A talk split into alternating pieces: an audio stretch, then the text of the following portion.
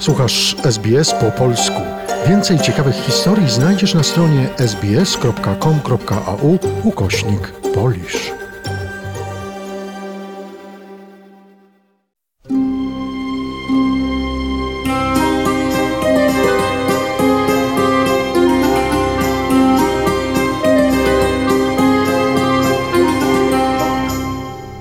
Opowieści Suczki Feli, czyli psiografia, rozdział siódmy, spotkanie z tygrysem.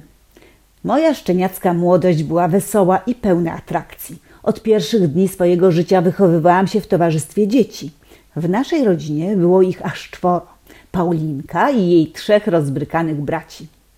Często wspólnie tarzaliśmy się na podłodze i bawili moimi zabawkami. A jeżeli ktoś z nas używał zębów, to zapewniam, że nie byłam to ja. Nasza rasa od pokoleń jest tak zaprogramowana, że dzieci mogą z nami robić wszystko.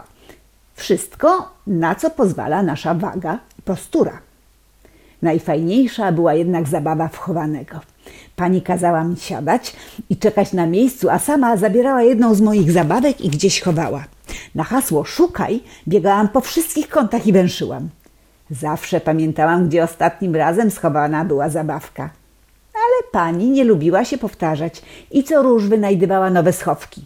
Musiałam się nieźle nawąchać, zanim ją znalazłam. Wtedy siadałam, dumnie zadzierałam głowę i szczekałam. Nigdy sama nie brałam zabawki, tylko nosem wskazywałam na miejsce jej ukrycia. Pani była zachwycona, biła mi brawo i podawała jakiś smakołyk. Druga ulubiona zabawa była przez nas nazywana ja, ty. Zasady były proste. Brałyśmy średnich rozmiarów szmatkę i każda z nas chwytała za swój koniec. Zaczynała moja pani i potrząsała kilkakrotnie szmatką w jedną i w drugą stronę. Potem mówiła ty i wtedy była moja kolej na tarmoszenie szmatki. Czasami dodawałam element warknięcia, zwłaszcza wtedy, kiedy pod koniec zabawy obydwie ciągnęłyśmy za swój koniec szmatki. Pani wtedy też warczała, nawet głośniej ode mnie. Były również zabawy na świeżym powietrzu. Rodzina mojej pani ma letniskowy domek nad prawdziwą rzeką, więc często spędzałyśmy tam razem wakacje. Chodziłyśmy się kąpać i bawić w piasku. Były różne gry i zawody. Na przykład, kto pierwszy sturla się z piaszczystej górki? Zawsze wygrywałam. Najciekawsza była zabawa w kocyk. Dzieciaki podkradały jeden z kocyków i zarzucały na mnie. Wtedy ja, ku ich radości, traktowałam kocyk niczym największego wroga. Walczyłam z nim jak oszalała. Wywijałam kocykiem na wszystkie strony i zazwyczaj na końcu zabawy lądował on na mojej głowie. Często niestety był w strzępach. Wtedy moja pani nie była z tego zadowolona. Ale na szczęście burę otrzymywały tylko dzieci. I słusznie, przecież ja tego kocyka nie kradłam. Wiem, jak ma się zachować dobrze wychowany pies. Kilka razy w tygodniu chodziłam też do szkoły. Co prawda to nie ja się uczyłam, tylko Paulinka, ale i tak byłam bardzo dumna.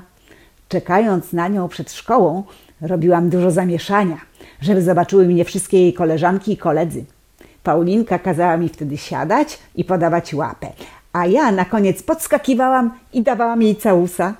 Wszystkie dzieci zgodnie krzyczały, że też chcą mieć takiego fajnego psa. Prawie wszystkie. Jedna dziewczynka zawsze mówiła, że jej jamnik jest mądrzejszy. Nikt jej jednak nie wierzył, bo gdyby tak było, to jamnik chociaż raz przyszedłby po nią do szkoły. Czułam dużą odpowiedzialność za Paulinkę i kiedy autem wracałyśmy do domu, pilnie strzegłam, żeby nikt się do nas nie zbliżał. Pewnego razu, kiedy auto stanęło na światłach, zobaczyłam przed nami istnego potwora. Patrzył nam prosto w oczy i szczerzył białe kły. Nie miałam pojęcia, skąd w centrum miasta wziął się tygrys, ale bez względu na konsekwencje postanowiłam obronić nasz samochód przed dzikim zwierzęciem.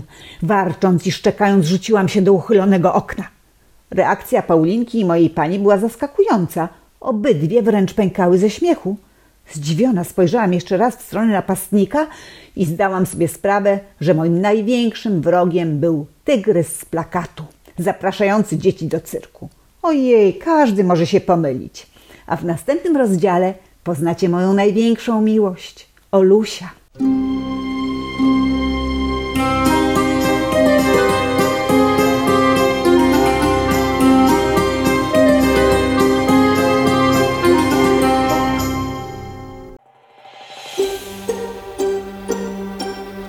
Zainteresowało Cię?